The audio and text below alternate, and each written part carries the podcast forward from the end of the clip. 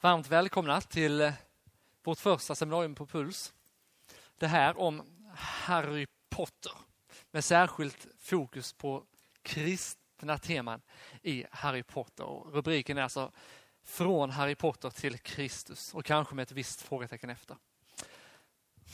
Nu är det dags att dra igång. Jag har laddat för det här länge. Jag har tänkt att jag skulle vilja jobba med det här i ett par år. Nu har jag äntligen fått tid och nu är det dags. Och jag är lite sådär smånervös för det är första gången och det är jättespännande. Men det ska bli roligt. Um, avbryt mig ifall det går för fort. Eller om det är något som är väldigt otydligt. Eller något som är för svårt. Jag kommer bara babbla liksom. Så avbryt mig ifall, ifall det behövs så. Hur många här har sett filmerna? Ganska många. Hur många har, sett, har läst böckerna? Ganska många. Kul, bra. Eh, Harry Potter har haft en otrolig framgång, böckerna. De är sålda i typ 450 miljoner exemplar och översatta till över 70 språk. Och filmerna har tagit in mest pengar någonsin, åtminstone bland eh, mest pengar jämfört med någon annan film. Och samtidigt så har serien orsakat en hel del strider för det innehåller magi och eh, trollkarlar och häxor. Och det har kommit kritik från religiösa grupper bland annat som menar att det är fel att göra trollkarlar och häxor till hjältar.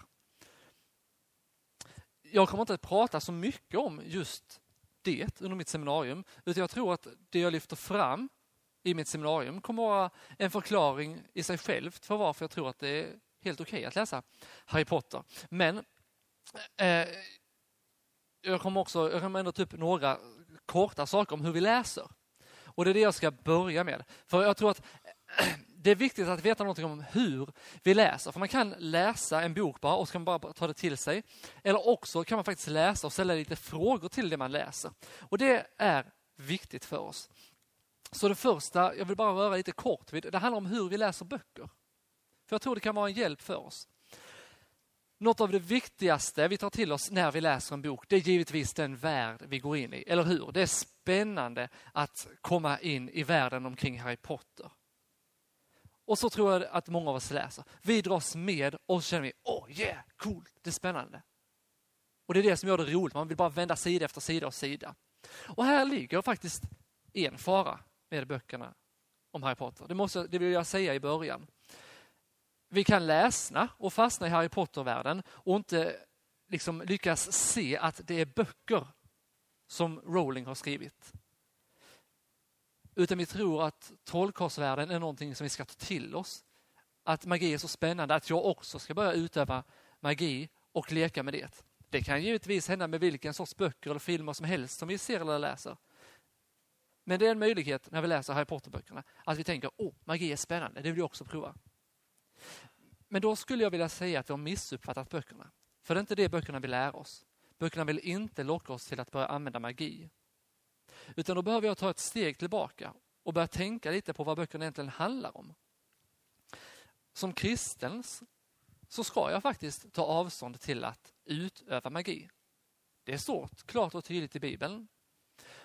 Och som kristen tror jag att det finns en ond andemakt som vill lura oss, som vill locka oss och som bland annat kan använda sig av magi för att kontrollera och behärska människor, precis som Imperius-förbannelsen fungerar i Harry Potter.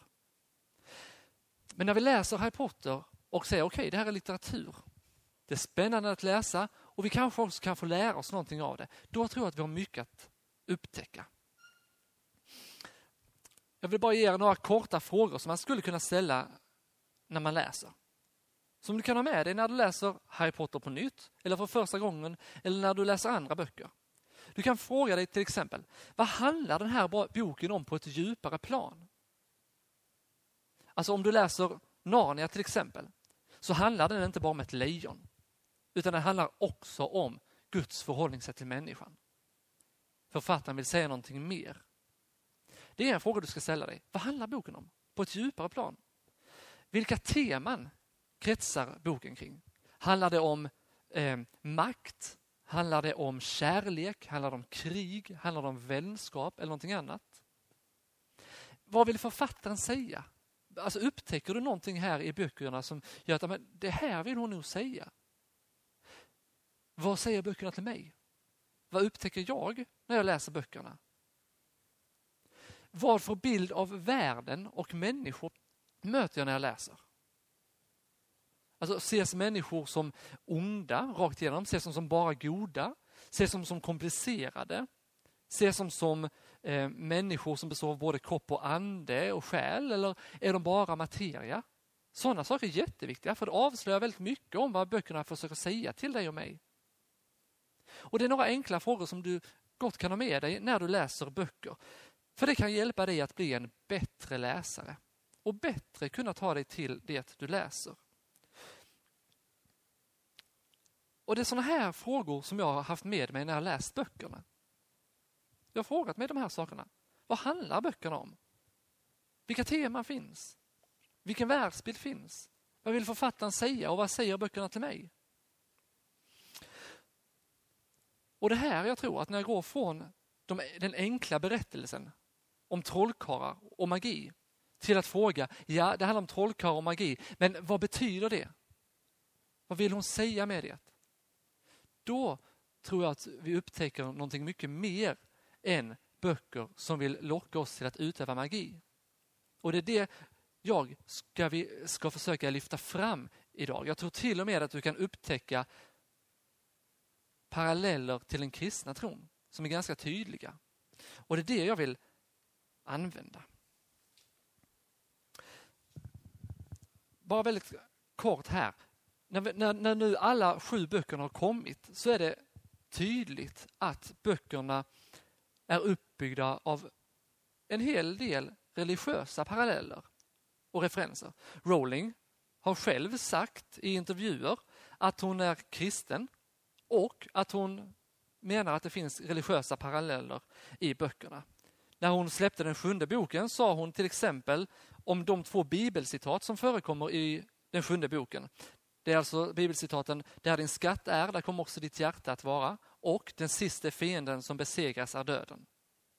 Det är två bibelcitat som förekommer i sjunde boken. Hon sa, böckerna är väldigt brittiska böcker, så det är ganska självklart att bibelcitat skulle finnas på gravstenarna. Men jag tror samtidigt att de där två speciella citaten som Harry finner på gravstenarna i Godric's Hollow, det liksom summerar, eller det nästan förkroppsligar och förklarar hela serien. Så hon menar alltså att två bibelcitat på något sätt liksom rymmer vad böckerna djupast sett handlar om. Och det är detta, de här parallellerna tillsammans med den enorma spridningen som böckerna har fått som har gjort mig riktigt intresserad och faktiskt funderat över, skulle man kunna använda Harry Potter till att förklara och försöka förtydliga vad den kristna tron handlar om när jag pratar med någon som inte har en aning om vad kristen tro är.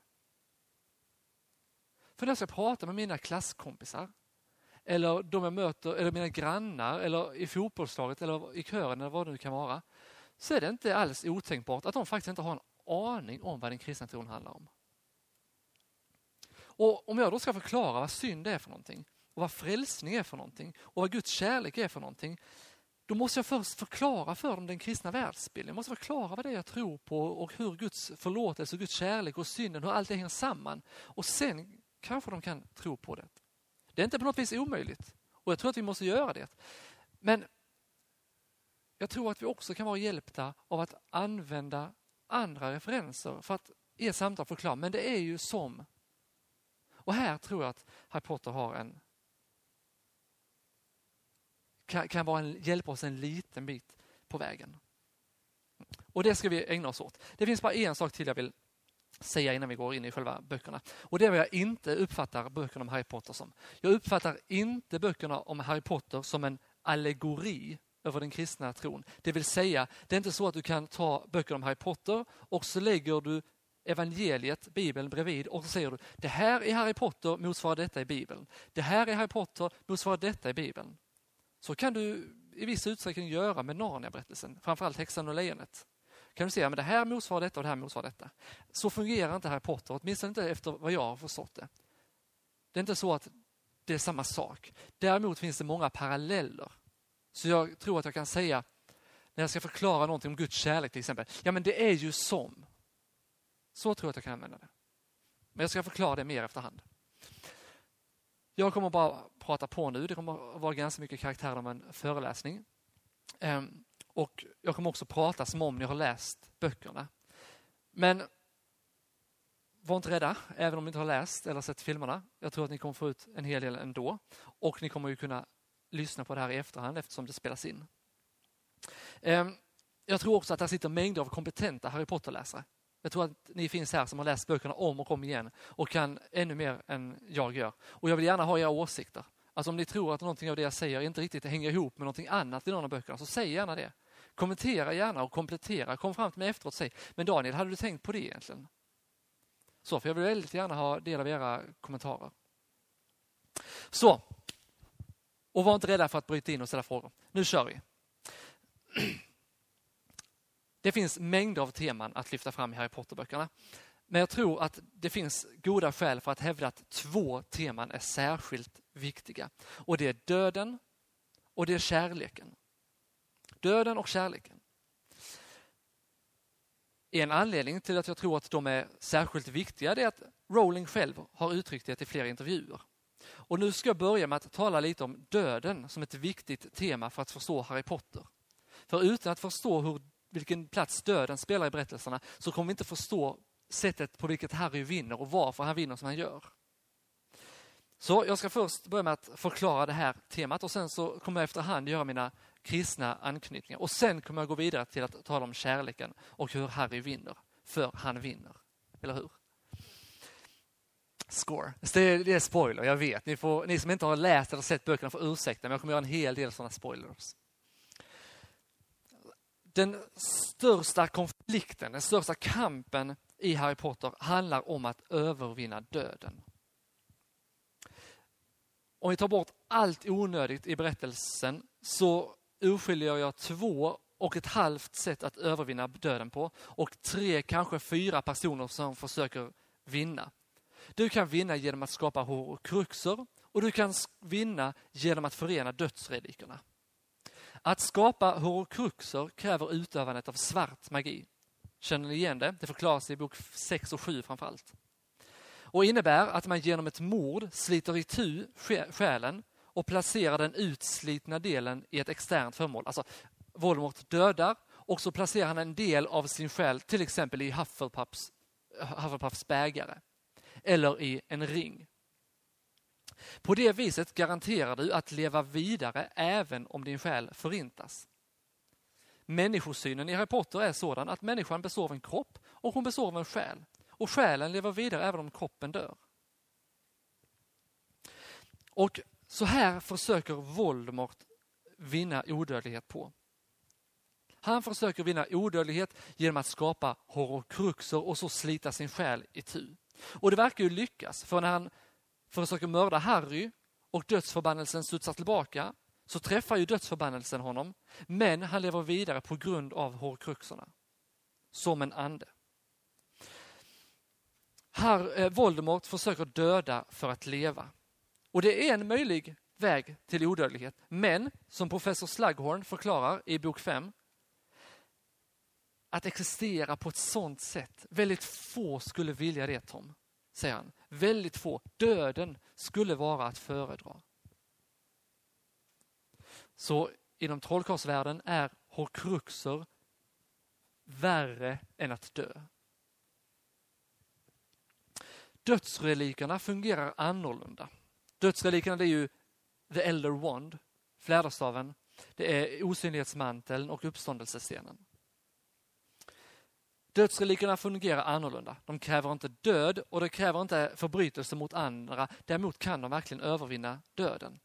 Däremot verkar det som att dödsrelikerna ofta framkallar död. Därför att den som vill ha makten vill ta den från någon annan. Och på det viset verkar det som att dödsrelikerna på något sätt motverkar sitt syfte. Kommer man till dödsrelikerna av fel motiv så kommer antagligen död att följa. Men Harry vinner inte dödsrelikerna på det viset, utan han blir uppsökt av dem och därför blir han också den rättmätige ägaren. Och jag kommer att förklara det längre fram. Nu ska vi gå till en av huvudpersonerna och det är Voldemort. Han är ju skurken i hela berättelsen, Lord Voldemort. Och det är hans strävan att bli den mäktigaste trollkarlen i världen och att göra sig själv odödlig som driver hela berättelsen framåt. Harry är en hjälte som väcks till liv för att möta hotet från Voldemort. Voldemort härstammar från en urgammal trollkarlsfamilj eh, och hans förfader heter Salazar Slytherin. Och Volmort är den ondaste och mäktigaste av alla trollkarlar ända sedan sin förfäders dagar. Volmort är helt klart en djävulsfigur. Det är uppenbart när man läser böckerna. I kristen tro är djävulen en ond andevarelse som är berövad alla goda egenskaper förutom sin existens. Vi tror att djävulen är en fallen ängel som har gjort uppror mot Gud och är en ande som är ond. Och det är någonting, någonting liknande som gäller för Voldemort. Här kan vi inte säga liksom så här, titta här, Voldemort och djävulen är samma sak. Det kan vi inte. Men vi kan säga att det är någonting liknande som gäller för Voldemort. Han har valt att slita sin själ i bitar för att kunna överskrida döden. Och man kan bara notera att han har slitit sönder sin själ. Slita sönder på grekiska heter diaballein. Och diaballein är det, är det ordet vi har för djävulen. Jag tror att man kan använda språket också för att påvisa att det finns viss koppling mellan djävulen och Voldemort. Voldemort definieras av sin vilja till makt och han gör allt han kan för att vinna makt.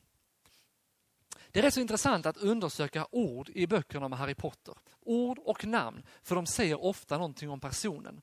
Det är samma sak som i Bibelns värld. Jesus kallas till exempel Immanuel, han är Gud med oss. Jesus betyder världens frälsare, tror jag det är.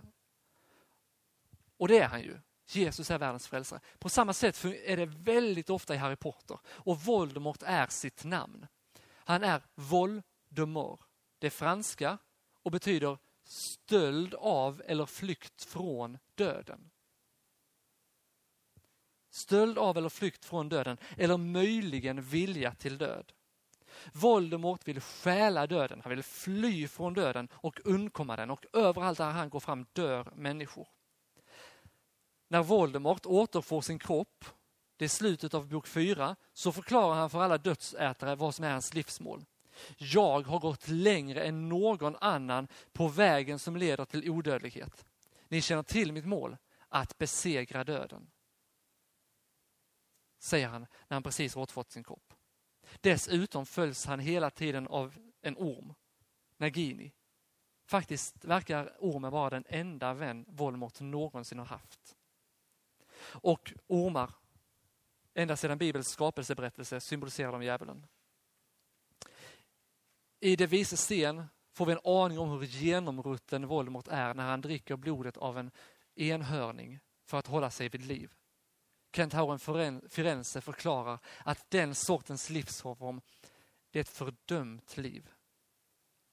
Så lågt kan man nästan inte sjunka. Man lever ett halvt liv, ett fördömt liv från det ögonblick då blodet vidrörs ens läppar. Döden skulle vara bättre. Ja, döden skulle vara bättre, men Voldemort är så livrädd för att dö att han till och med väljer ett halvt liv, ett fördömt liv framför att dö. Därför lever också Voldemort just ett sådant fruktansvärt liv. Och han är berövad allt vad vi förknippar med vanlig mänsklighet. Jag tror att vi utan problem skulle kunna referera till Voldemort när vi försöker förklara för någon till exempel vem djävulen är och vad han är för någonting. Det är inte klockrent, men det är på väg. Djävulen är okroppslig. Han är fördömd. Han är berövad alla goda egenskaper. Han sprider död omkring sig och är fiende till allt som är gott. Och han är alldeles oförmögen att förstå och känna kärlek.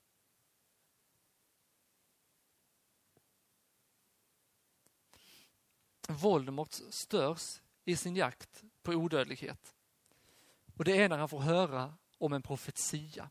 En profetia som säger att en pojke kommer att födas i slutet av juli och den här pojken ska ha makt att döda mörkrets herre. Han blir rädd för sin ställning, han blir rädd för sin makt och letar därför upp den som han tror att profetian gäller, Harry, och försöker döda honom. Det här låter väldigt mycket som när Herodes får höra om att judarnas konung har fötts. Han sänder genast ut sina soldater för att ta reda på var Jesus har fötts för att döda honom. Samma sak försöker Voldemort göra. Och det här som vi kommer in i berättelsen när vi öppnar den första boken, elva år senare. Var är vi då? Jo, då är vi i början av den första boken. Och sen får vi följa Voldemorts strävan efter att komma i besittning av en riktig kropp och döda Harry. Och vi får följa Harrys tillväxt som människa och hur han upptäcker att han har en kamp att utkämpa. För Harry går det gradvis upp, alltså han förstår efterhand vem, Harry, vem Voldemort är, vad Voldemort vill och hur Voldemort och Harry hänger samman. Det verkar vara samma sak för Dumbledore. Han får också efterhand veta mer och mer vem, eh, vem, vem Voldemort är. Alltså det är ganska varmt va? Sitter ni och halvsover? Frågan är om vi kan öppna de här. Går det att öppna där bak? Nej, då är vi så illa...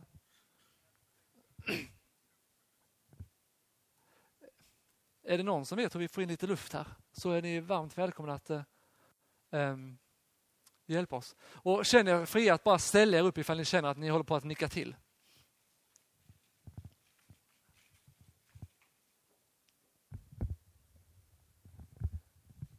Tack.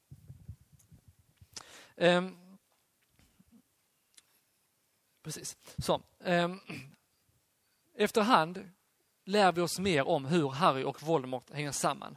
Och Det är också väldigt viktigt att känna till att när Voldemort försökte döda Harry när han var barn, då överförde han också en del av sina krafter på Harry. Det får vi förklarat för oss i böckerna. Voldemort gjorde Harry till en horokrux.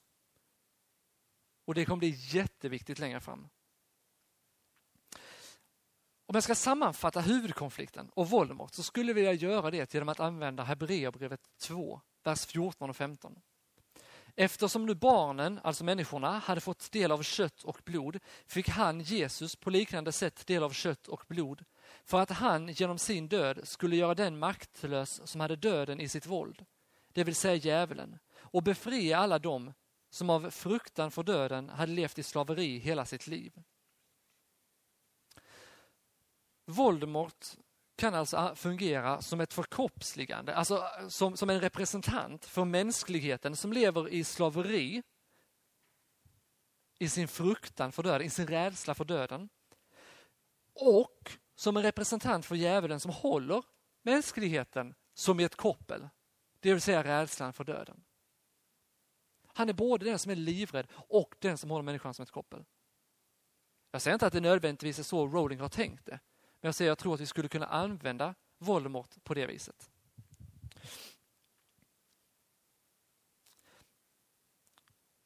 Så det här är ett sätt att övervinna döden på. Det här är ett sätt att försöka eftersträva odödlighet på. Att gå längre på vägen i ondska än någon annan har gjort och slita sin själ i tu. Men finns det inte andra sätt att övervinna döden på? Vi som är rädda för döden. Finns det andra sätt? Jo, åtminstone det presenteras andra sätt.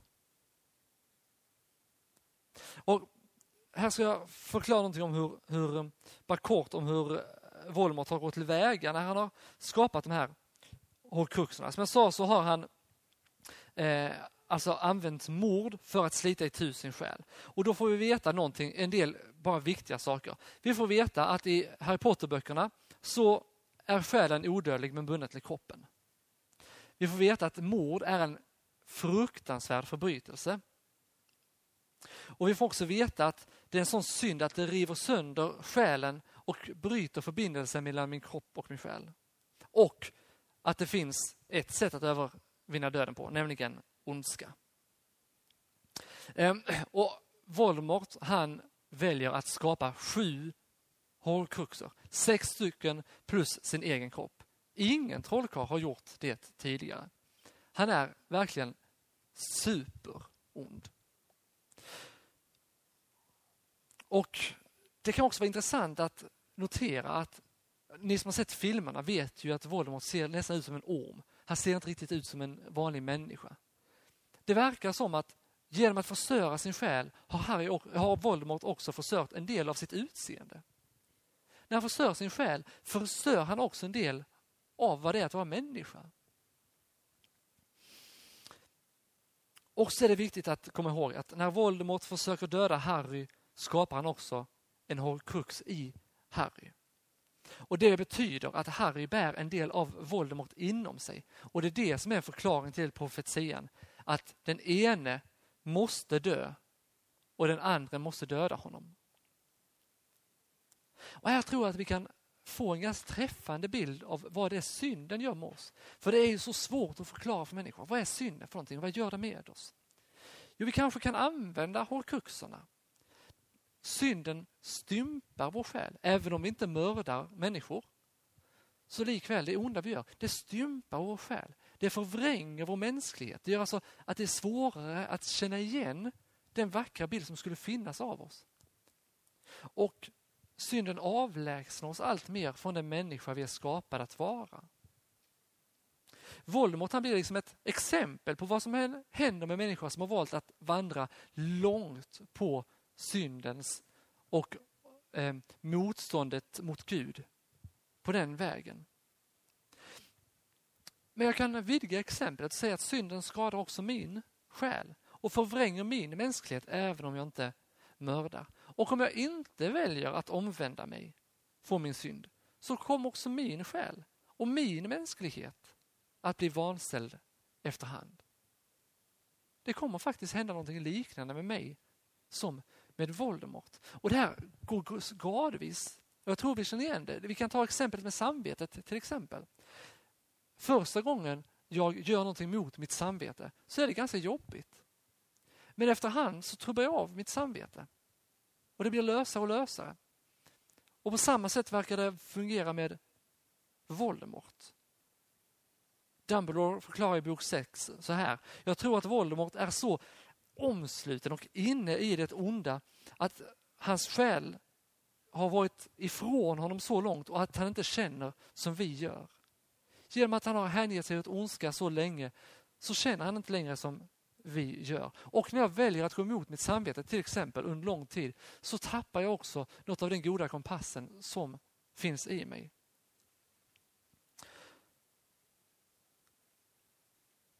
Så här tror jag att vi kan utgå från Voldemort för att förklara vad synden gör med oss. För att säga, men det är som. Och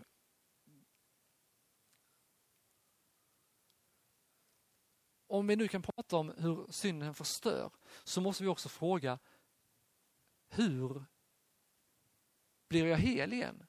Hur kan jag få läkedom? Går det att bli hel igen? Ja, Hermione förklarar det skulle vara oerhört smärtsamt. Varför? Hur gör man det? säger Harry. Genom ånger, sa Hermione. Man måste verkligen känna vad man har gjort. Det finns en fotnot i boken. Känner man det kan tydligen smärtan förgöra en totalt. Jag kan inte föreställa mig att Voldemort skulle försöka sig på det. Kan ni? Säger hon i samtal mellan Ron och Harry. Ånger. Förkostelse. kan man kanske säga syndanöd. Det är vägen till helande i böckerna om Harry Potter. Men det kräver att man ser och känner vad det är man har gjort och att man vill ångra sig.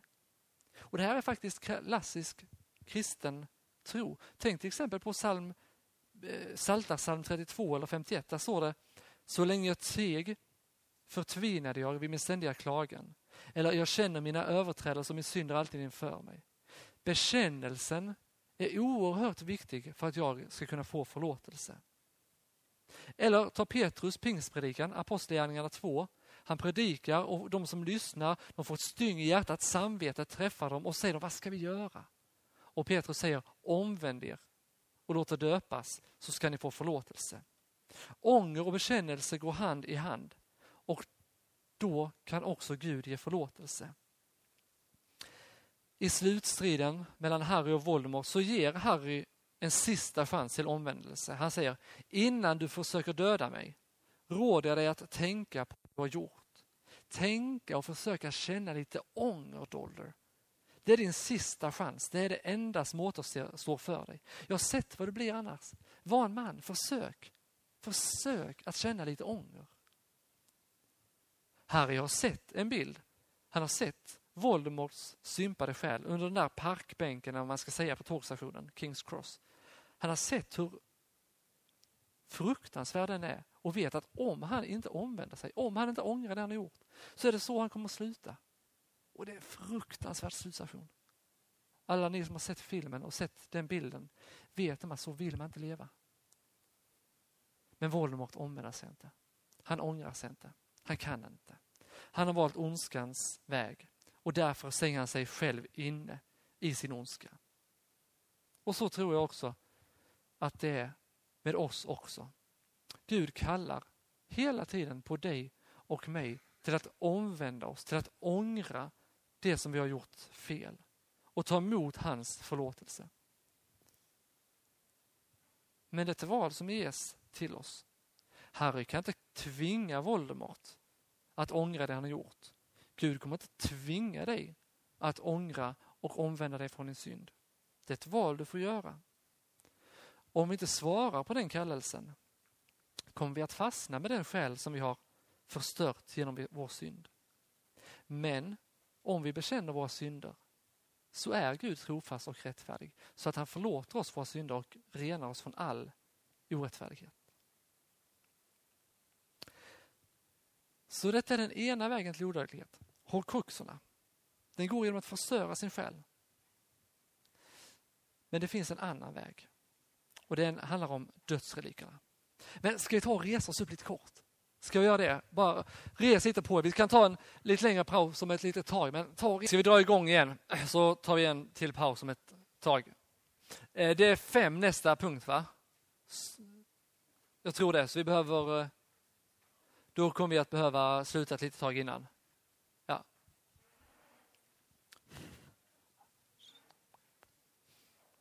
Okej, det här har varit väldigt mörkt, eller hur? Det har bara handlat om död och ondska. Det är lite, det är lite besvärligt. Vi har den positiva biten framför oss. Nu har kommit igenom liksom dödsskuggans dal och ska ta oss ut i ljuset igen, eh, hoppas jag. Så ni som känner att oh, det här har varit tungt. Jag hoppas att det ska bli lite roligare efterhand. Och jag påminner igen, ifall ni har frågor att ställa, korrigeringar att göra, kompletteringar, frågor eller sådär, så kom, kom fram med dem. Eh, är det någonting redan nu som ni vill lyfta fram så gör gärna det.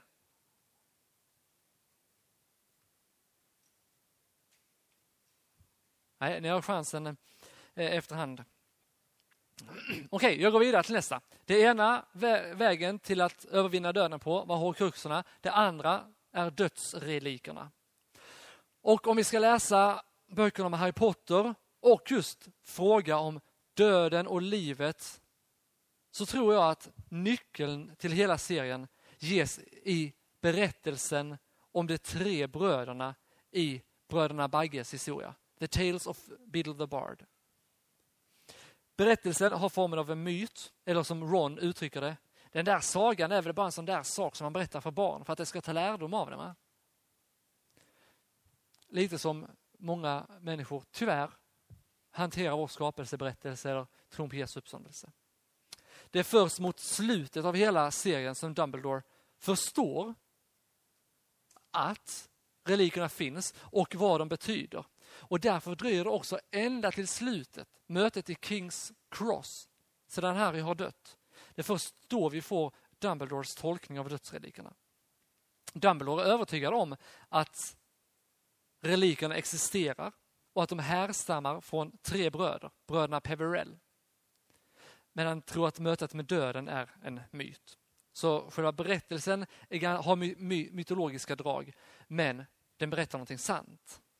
I korthet handlar berättelsen om tre bröder, Antioch, Ignotus och Cadmus, Peverell, som möter döden och lurar döden, men döden vill inte erkänna sig besegrad.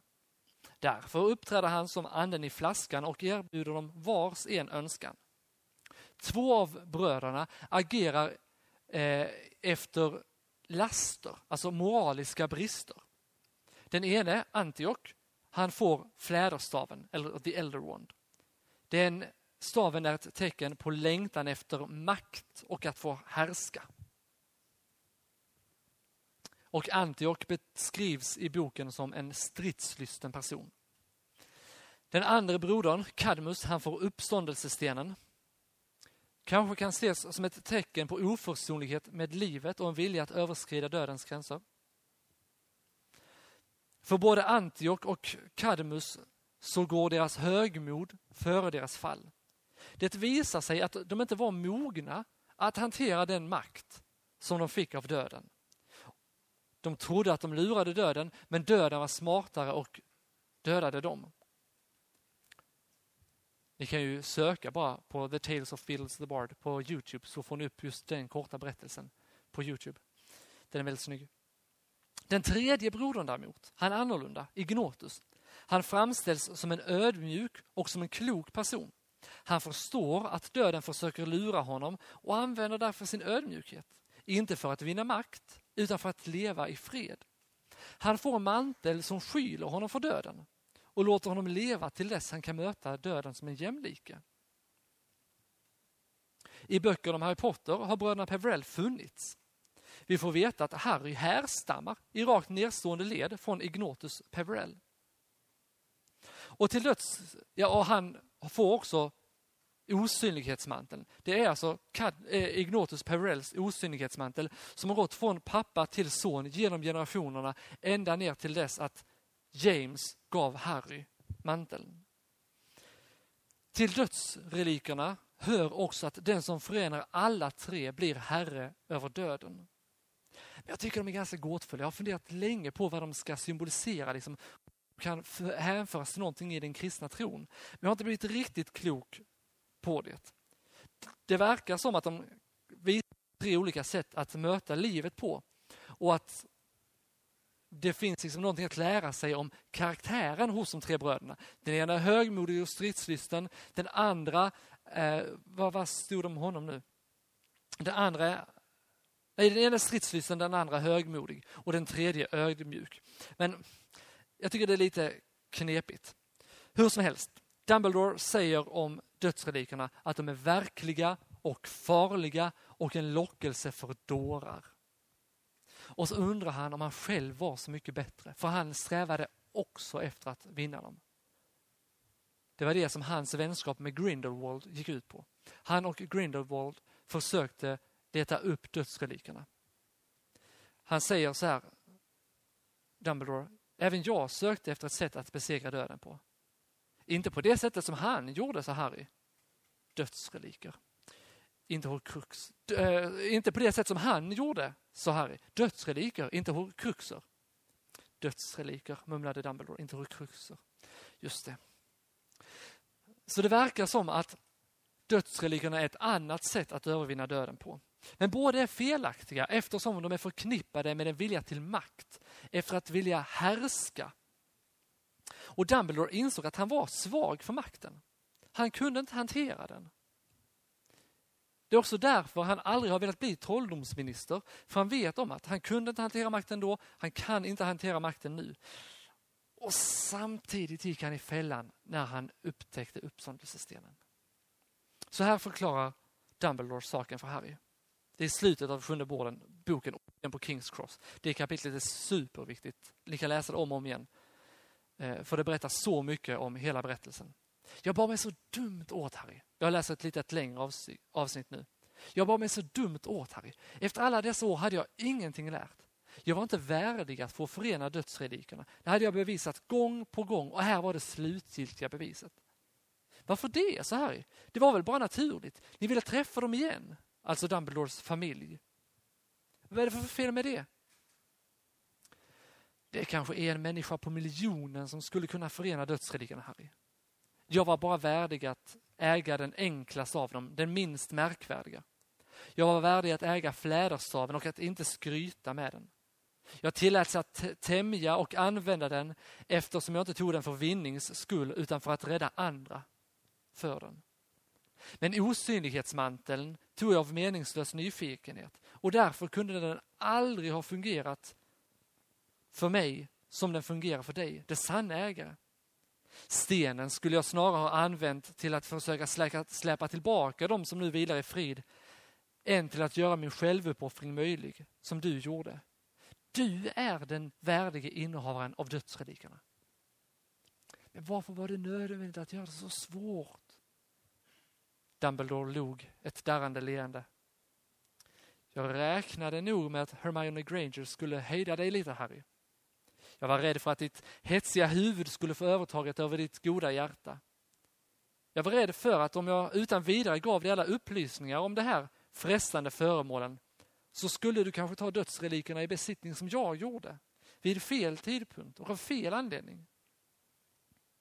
Om du fick tag i dem ville jag att du skulle äga dem på ett betryggande sätt. Du är den sanne Herren över döden, eftersom den sanne Herren inte försöker undfly döden. Han accepterar att han måste dö och förstår att det finns mycket, mycket värre saker i den levande världen än att dö.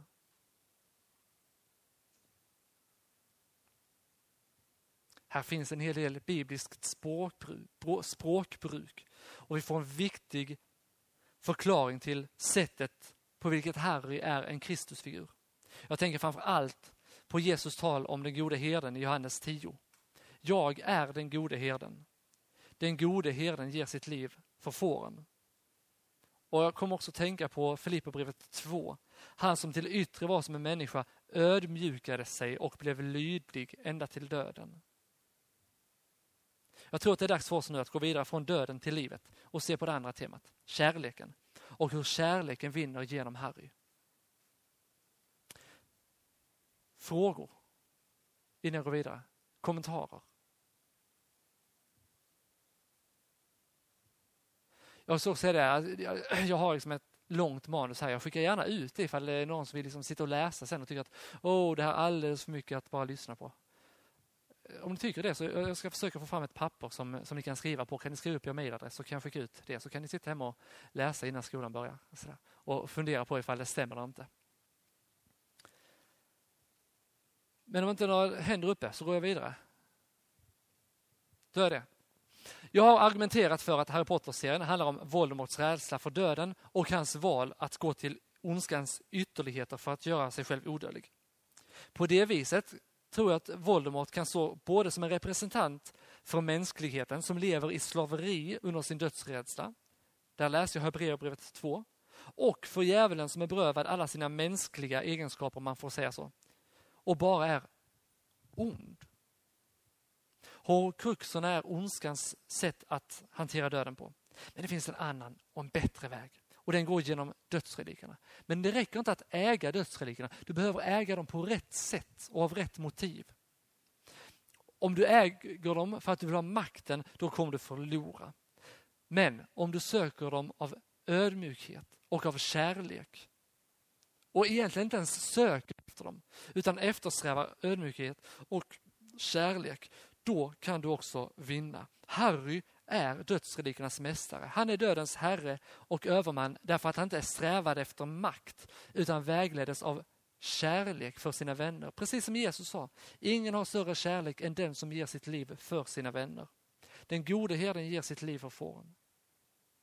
Därför tror jag att Harry i viss mån kan läsas både som en representant för Kristus som räddar människan och för mänskligheten lever tro på Jesus.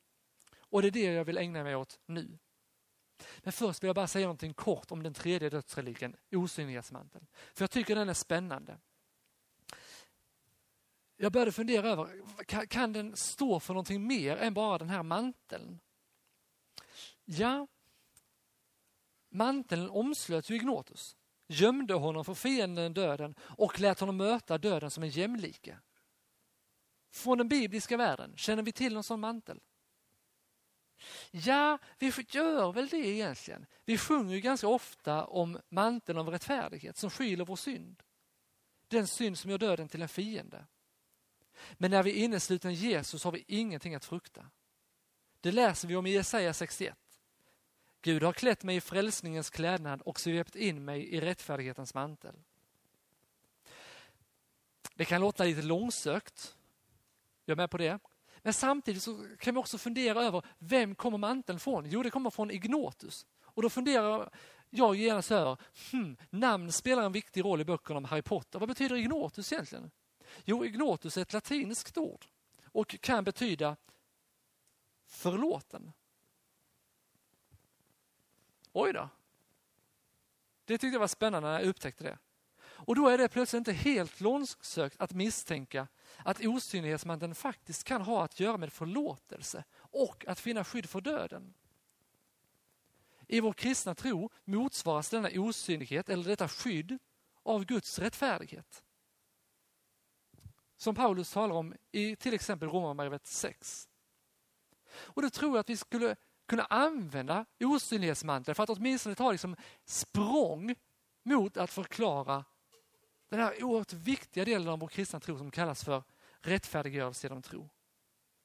Att vara rättfärdiggjord, att vara förklarad oskyldig, det är att den stympade själen helas genom Guds kärlek och att jag innesluts i Guds mantel av förlåtelse och renhet så att döden inte längre kan vara ett hot för mig utan måste behandla mig som en vän. Jesus, dödens besegrare, har ju tagit udden av döden så att Paulus kan ropa döden är uppslukad och segern är vunnen. Död, var är din seger? Döden, död, var är din udd? Jag köper att en del kan tycka att det är lite långsökt. Jag säger inte att det är klockrent. Men jag säger att jag tror att vi kan använda det för att förklara någonting av vad det är vi tror på. En sak till. Harry tar emot manteln. Han vinner den inte, han förtjänar den inte, han får den. På samma sätt är det med Guds förlåtelse. Jag förtjänar den inte, jag tar den inte, jag får den. Nu kommer vi till kärleken och segerteman. I slutet av den sista boken så får Harry tar del av Snapes minne. Det händer precis i slutet. Harry får genom tårar på Snape ta del av hans minnen och så får han se i minneshållet han får förklaringen till hur han ska besegra Voldemort. Det här är en tydlig Getsemanestund. Harry inser att han måste dö. Han förstår att hans död och bara hans död kan sätta stopp för att fler människor ska dö. Och han brottas med detta. Han, efter att han har brottats med detta och kommit till insikt om att det här är enda vägen att få stopp på Voldemort på, så går han också ut och han går frivilligt och ensam genom skogen till Voldemort. Det är vandringen genom Getsemane och vandringen upp till korset. Harry väljer att frivilligt dö för sina vänner. Han väljer att frivilligt överlämna sig till Voldemort. Han ger upp sitt liv utan strid, av kärlek och av fri vilja. Jesus talar om sin egen död på just det här sättet. Han säger Fadern älskar mig därför att jag ger mitt liv för att sedan få det tillbaka. Ingen har tagit det ifrån mig, jag ger det av fri vilja. Och tidigare har Jesus sagt, den som vill behålla sitt liv ska mista det, men den som för min skull mister sitt liv skall vinna det. Just detta gör Harry därför att han vet att det finns mycket, mycket värre saker i den levande världen än att dö. Och därför får han också livet tillbaka. Eller, det spelar en viktig roll. Harry träffas av dödsförbannelsen i skogen. Han kommer till Kings Cross Station och sedan får han livet tillbaka. Och Det är någonting som har hänt där. När Harry har offrat sig själv för sina vänner, då är det någonting som har hänt. Och Harry förklarar i det sista samtalet efter att han har uppstått, så förklarar han för Voldemort. Han säger, du kommer inte att kunna döda några av dem mer, aldrig någonsin mer. Fattar du inte? Jag var beredd att dö för att hindra dig från att skada de här människorna. Jag har gjort samma sak som min mamma. De är skyddade från dig. Har du inte märkt att inte någon av de förtrollningar du har lagt över dem varar? Du kan inte tortera dem, du kan inte röra vid dem. Harry har av kärlek till sina vänner gett sitt liv för sina vänner och det har skapat ett starkt skydd för dem, nämligen kärlekens skydd. Om det ena temat i Harry Potter-böckerna är döden, så är det andra temat dödens botemedel, kan man väl säga, dödens skydd, kärleken. Och detta har varit närvarande ända från första sidan och spelar en oerhört viktig roll i böckerna. Rowling själv har sagt att seriens budskap är Love wins. Kärleken förklaras det i bok 5. Det är en kraft som är på en gång både mer underbar och mer förskräcklig än döden. En mänskligt förstånd än naturkrafterna. Det är kraften, det är den kraft som du Harry äger i sådan omfattning och som Voldemort inte har någonting av. Det var den kraften som skyddade dig från att bli besatt av Voldemort eftersom han inte kunde stå ut med att finnas i en kropp som var så full av den kraft han avskyr. När det kommer till kritan, säger Dumbledore, så betydde det inte något att du inte kunde stänga till ditt medvetande. Det var ditt hjärta som räddade dig. Harrys mamma har gett sitt liv för Harry. Det är ju där det börjar. Voldemort ska döda pojken som kan hota honom, men mamman kastar sig i hans väg, tar dödsstöten för honom och Harry överlever. Det här förklarar Dumbledore, detta offer, det är en uråldrig magi. Din mor dog för att rädda dig, berättar Dumbledore för Harry. Hon gav dig ett kvarvarande beskydd som Voldemort inte hade förutsett. Ett skydd som flyter, rinner i dina ådror ännu i denna dag. Därför satte jag min tilltro till din mammas blod. Din mammas offer, skapande ett band, ett blodsband som var det starkaste skydd jag någonsin kunde gett dig. Så länge du kan kalla den platsen hem där din mors blod finns, där är du också skyddad från Voldemort. Han utgör hennes blod, men det lever vidare i dig och i hennes syster.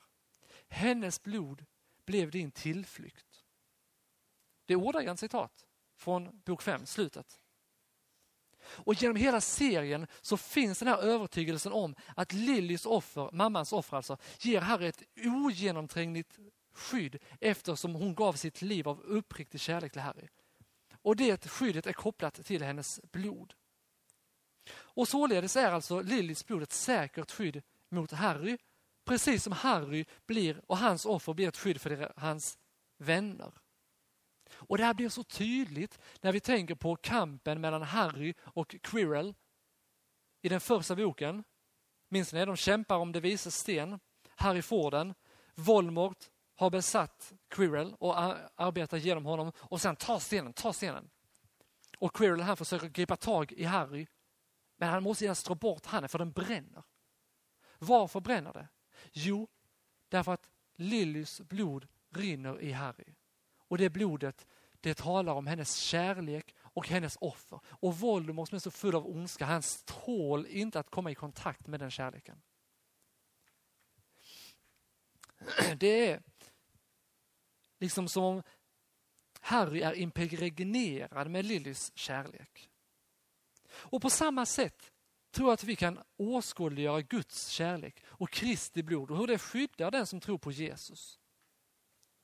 När vi tar vår tillflykt till Jesus, när vi ber till honom om hans beskydd, när vi lever i hans kärlek och tar del av hans kropp och blod i den heliga nattvarden, då har också vi ett kraftfullt skydd mot den onde som bränner bort hans angrepp.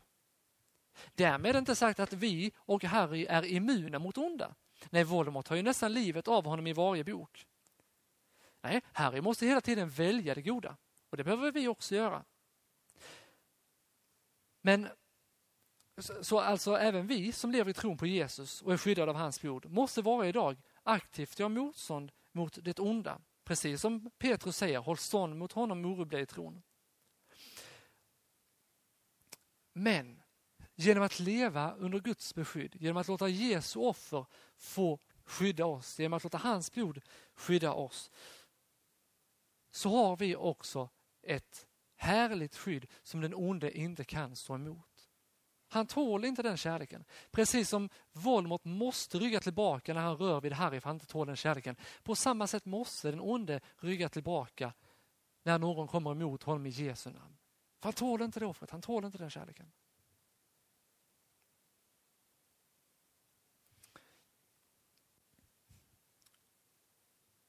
Ska vi ta och resa oss upp ett litet tag igen? Och sen så tar, vi, tar, tar jag slutet här. Det är inte... jag ska ta slutstriden och sen så är vi färdiga. Men vi tar och reser oss upp lite. Är det någon som behöver gå och ta lite vatten så gör det. Vi drar igång igen. Är ni redo? Jag väntar en halv minut så kanske några hinner komma in också.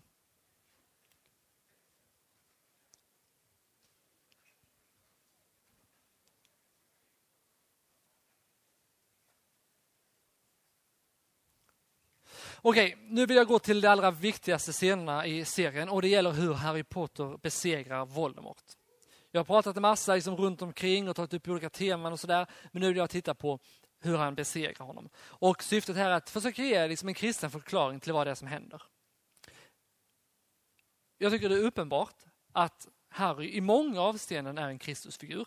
Inte renodlat som Aslan i Narnia-berättelsen, men han bär på flera drag och nu ska jag bara väldigt kort peka på några. Harry är utpekad av en profetia som den som ska utmana mörkrets herre. Därför utsattes han för ett mordförsök när han var barn. Jesus är utpekad av många profetior och när profetian, en profetia nådde den regerande kungen försökte han döda Jesusbarnet. Harry är the chosen one, den utvalde. Men han lockas att missbruka sin makt. Till exempel i samtalet med trolldomsminister Scrimger i bok 6 lockas han att använda sin ställning för att ge folket falskt hopp. På samma sätt lockas Jesus av djävulen och av folket att vinna falsk popularitet och vinna makt på fel sätt.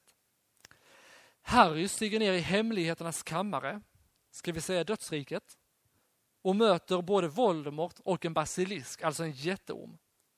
Där förstör han en av Voldemorts horcruxer samtidigt som han besegrar basilisken men blir biten av den. Gud profeterade i första Mosebok 3 och sa att det skulle komma en som skulle trampa på ormens huvud men ormen skulle hugga honom i hälen. Det talar om hur Jesus skulle stiga ner i dödsriket och döda ormen, djävulen. Det här är lite kul, nästa. Harrys Gud, fader, Sirius, hade tre bästa vänner som hette Peter, James och John. De svenska namnen är Peter, Petrus, Jakob och Johannes. När jag kom att tänka på det tänkte jag, ja ja, fast en av dem förrådde honom faktiskt inte. Jo, just ja, Peter Pettigrew förrådde ju Harrys familj. Det är ytterligare en koppling. Och men jag antar att de mest har lekt lite. På Harrys föräldrars gravsten står det, den sista fienden som förintas är döden. Först blir Harry rädd och tänker att det har med dödsätare att göra. Men Hermione förklarar att det handlar om att leva vidare efter döden, om att du inte dör när du dör. Det är ett bibelcitat från första Korintierbrevet 15 och talar om Jesu uppståndelse. Och det är en, en av hörnstenarna i vår uppståndelseteologi. Harry, när han mognar och förstår bättre sin uppgift, så förbinder han den meningen med dödsrelikerna och tolkar den på sin uppgift att besegra Voldemort. Så det är några enkla poänger som visar att det finns vissa kopplingar mellan Harry och Jesus, även om det inte är klockrent. Harry gör till exempel en massa fel, till skillnad från Jesus. Så vi kan inte ta dem rakt av. Men vi kan använda honom. Så, några enkla poänger. För att besegra Voldemort måste Harry leta upp de många horcruxer som Voldemort har skapat och förstöra honom, förstöra dem. Det är ju det som i så sätt bok 5 till 7 går ut på. Sökandet efter horcruxerna och att förstöra dem. Voldemort har spridit sin sjuka själ och det behöver Harry ställa till rätta. Jag tänker särskilt på vad evangelisten Johannes skriver i sitt första brev. Guds son har uppenbarats för att utplåna djävulens verk.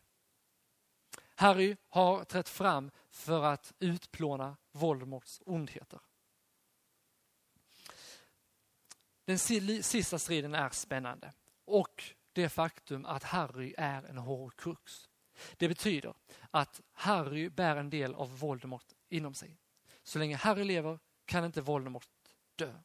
Och ärret i pannan är horcruxen. Så här förklaras det i ett samtal mellan Snape och Dumbledore. Dumbledore drog ett djupt andetag och slöt ögonen. Berätta för honom, Harry, att den natten då Lord Voldemort försökte döda honom och då Lily offrade sitt eget liv för att skydda honom. Den natten studsade den dödande förbannelsen tillbaka på Lord Voldemort och en liten bit av hans själ sprängdes bort och satte sig fast hos den enda levande varelse som fanns kvar i det där förstörda huset. En del av Lord Voldemorts själ lever inuti Harry och det är den som ger honom, Harry, förmågan att tala med ormar och en förbindelse med Lord Voldemorts tankar som han aldrig har förstått. Lord Voldemort saknar inte den här lilla biten av sin själ. Men så länge den sitter fast inuti Harry och skyddas av honom kan Lord Voldemort inte dö. Så pojken Pojken måste alltså dö, frågade Snape med tillkämpat lugn. Och Voldemort måste själv döda honom, Severus. Det är nödvändigt. Har ni hållit honom vid liv för att han ska dö i rätt ögonblick? Ni har fött upp honom som gris till en slakt. Här är nyckeln till att besegra Voldemort. Harry har själv blivit en horcrux och bär en del av Voldemorts ondska i sig. Den ondskan måste dödas för att Voldemort ska kunna dödas. Och Voldemort måste vara den som gör det. Här finns några viktiga delar närvarande i vår tro. Till exempel hur Jesus undervisar sina lärjungar vid flera tillfällen och förklarar för dem att Messias måste utlämnas till sina fiender, att han måste lida, dö och sedan uppstå. Hans väg till seger går genom graven. Voldemort kan bara leva så länge som Harry inte dödar honom. Eller, ni förstår, så länge de inte dödar varandra, kan man säga så. På samma sätt, på liknande sätt, kan inte djävulen leva längre än till dess Gud väljer att sätta stopp för honom. Jesus, som inte själv har tagit del i mörkrets och syndens gärningar, han blir för vår skull gjord till synd. Harry bär en del av ondskan i sig och Jesus, som inte känner till synden, han bär vår synd i sig. Och när han dör på korset så försvinner också den, den stryks ut, den raderas. Detta sättet som Harry vinner på, det onda från Voldemort som lever i Harry, det måste dödas och det sker när Harry dör. Det är någonting liknande som Paulus förklarar. Han, Jesus, som inte visste av någon synd, honom har Gud för vår skull gjort till synd, för att vi i honom skulle stå rättfärdiga inför Gud. Kristus friköpte oss från lagens förbannelse när han blev en förbannelse i vårt ställe.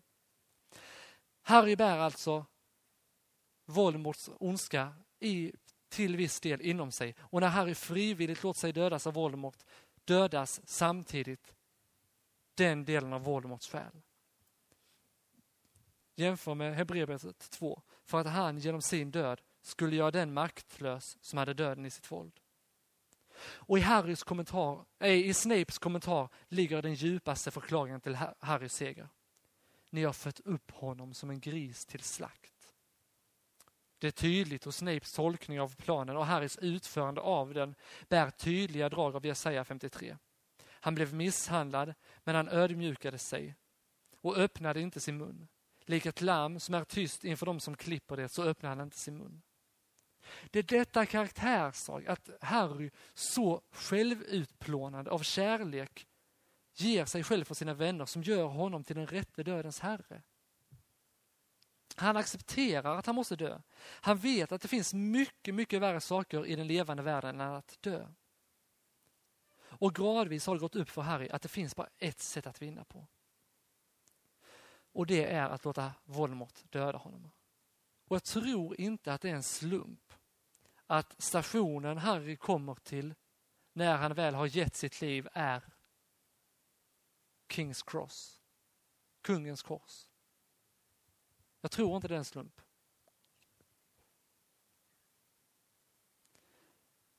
Eftersom Voldemort var högmodig nog att ha Harrys blod i bok 4 för att komma tillbaka till makten överlever här också den dödande förbannelsen. Därför kan han också återvända till livet. Jag, jag, kan inte göra någon teologisk koppling av det, så jag får bara acceptera den berättelsen. Därför kan också Harry återkomma till livet och strida för sista gången mot Voldemort. Nu är det bara ormen och Voldemort som finns kvar. I övrigt är Voldemort helt avklädd all sin makt. Och det heter ju den sista fienden som besegras av döden. Här händer det. Hur vinner Harry? Jo, precis som Jesus använder han sig av en icke-våldsstrategi. Han använder expelliarmus, avväpningsbesvärjelsen. Precis den besvärjelse som Lupin tidigare under året har sagt, den är för svag, den är för mesig, du får inte använda den.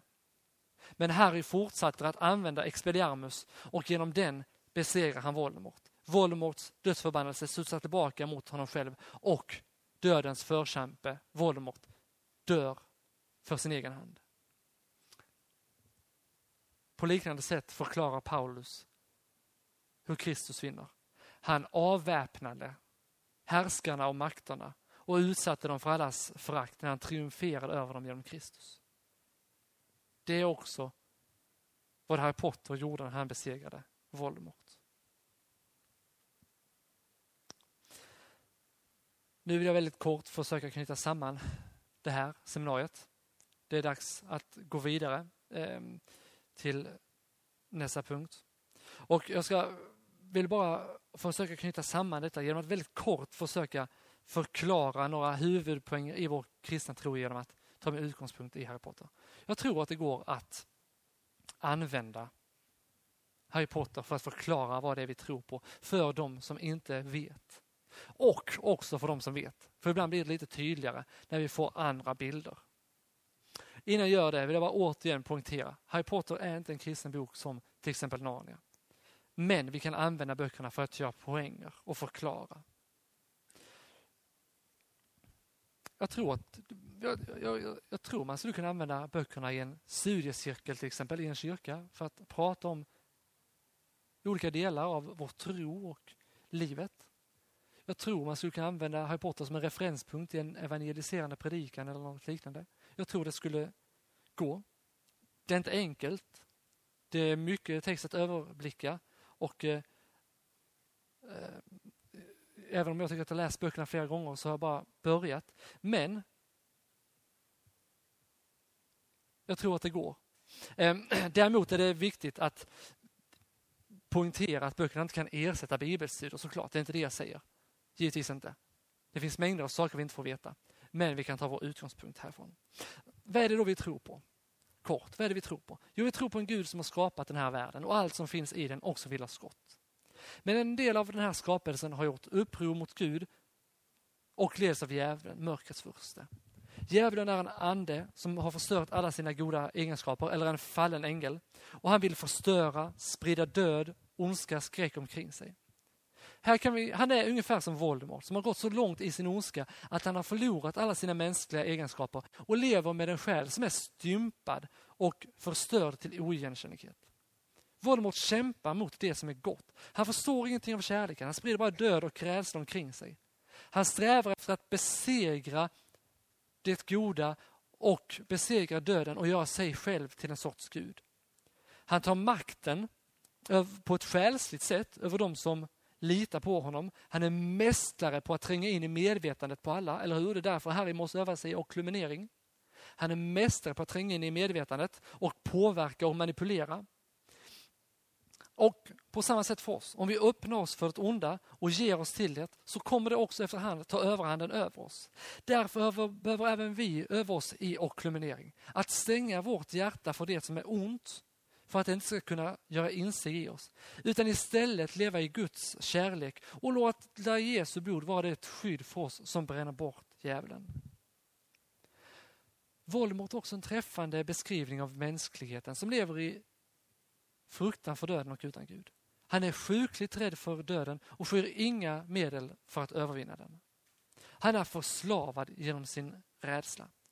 På samma sätt förklarar Bibeln att mänskligheten är förslavad av djävulen under sin rädsla för döden, bland annat.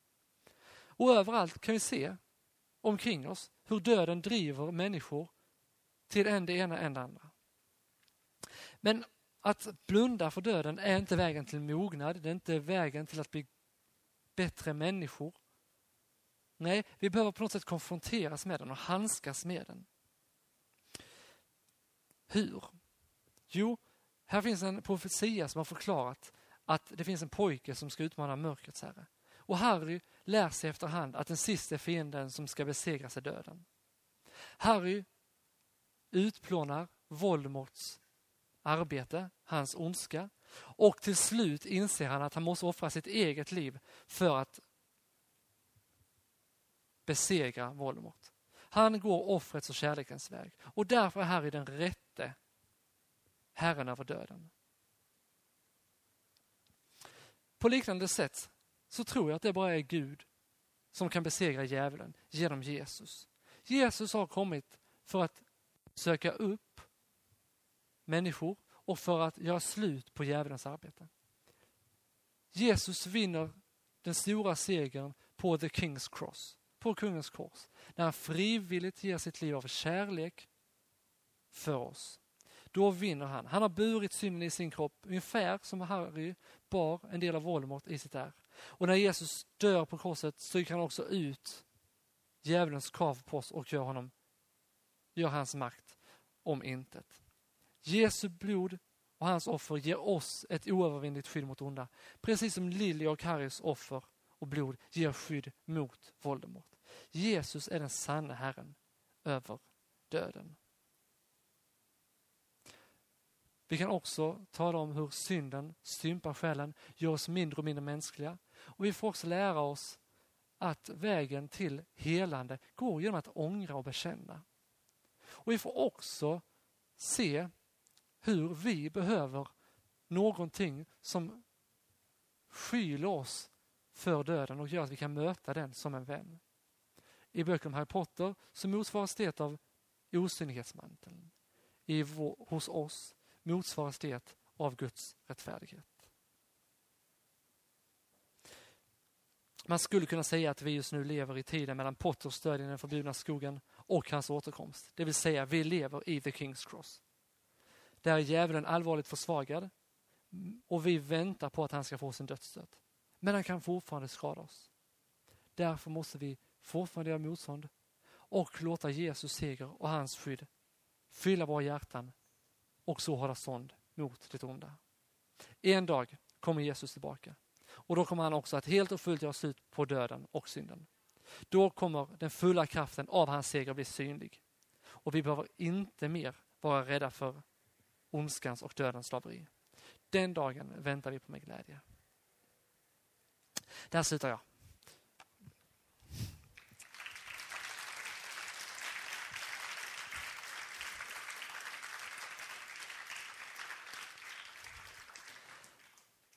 Som sagt, jag ska försöka få fram ett papper så att ni kan skriva upp er ifall ni vill ha manus. Jag har, inte, jag har varit lite oförberedd på det. Men jag ska fixa det. Och eh, ni kan eh, söka upp mig ifall ni har frågor och vill prata sådär. Jag ber bara en superduper kort bön och sen så får ni gå. Tack Jesus för att du är den rätte dödens besegrare. Tack för att du är den rätte Herren över livet och allting. Tack för att ditt offer är tillräckligt och tack för att det ger härligt skydd mot onda. Vi ber om att få leva i det och varje dag växa till i din kärlek. Och också bli mer lika dig. I att själva ge ut av oss själva i kärlek för andra. I Jesu namn. Amen.